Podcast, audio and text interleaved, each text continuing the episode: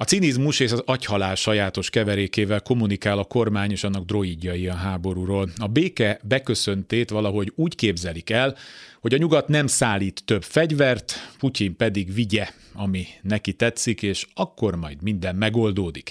Mindez Orbánnak arra a szilárd meggyőződésére épül, hogy Oroszország mindenképpen győzni fog. Amikor az elmúlt időszakban az ukránok látványos sikereket értek el, és visszafoglaltak több ezer négyzetkilométert, az oroszok pedig fegyvereiket hátrahagyva menekültek, a központi média résmentesen cuppant rá a hivatalos moszkvai kommunikációra, mondván, mi így vonulunk vissza stratégiailag.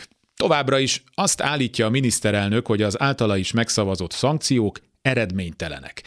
Miközben a valóság az, hogy az orosz offenzíva egyelőre bedöglött, az energia exportból származó bevételek pedig elkezdtek csökkenni, mert bár nagyon drágán lehet eladni a gázt, de egyre kevesebbet vesznek belőle Európában, és ez a folyamat tovább gyorsul.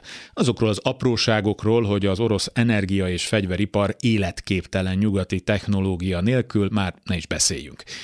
Senki nem mondhatja, hogy nem lesz fájdalmas egész Európának, ami előttünk áll. Évekig tart majd az átállás, a leválás Oroszországról, de egyáltalán nem lehetetlen, sőt, mindezek után elkerülhetetlen. Ki az, aki úgy gondolja, hogy megbízható partnerként lehet, kell kezelni Putyint, mármint Orbán Viktoron kívül. Magyarország újra a rossz oldalra került, mert a hatalom semmit nem tanult a 20. század tragédiáiból. Kárpát Iván vagyok, ez az Esti Gyors, a hírek után kezdünk.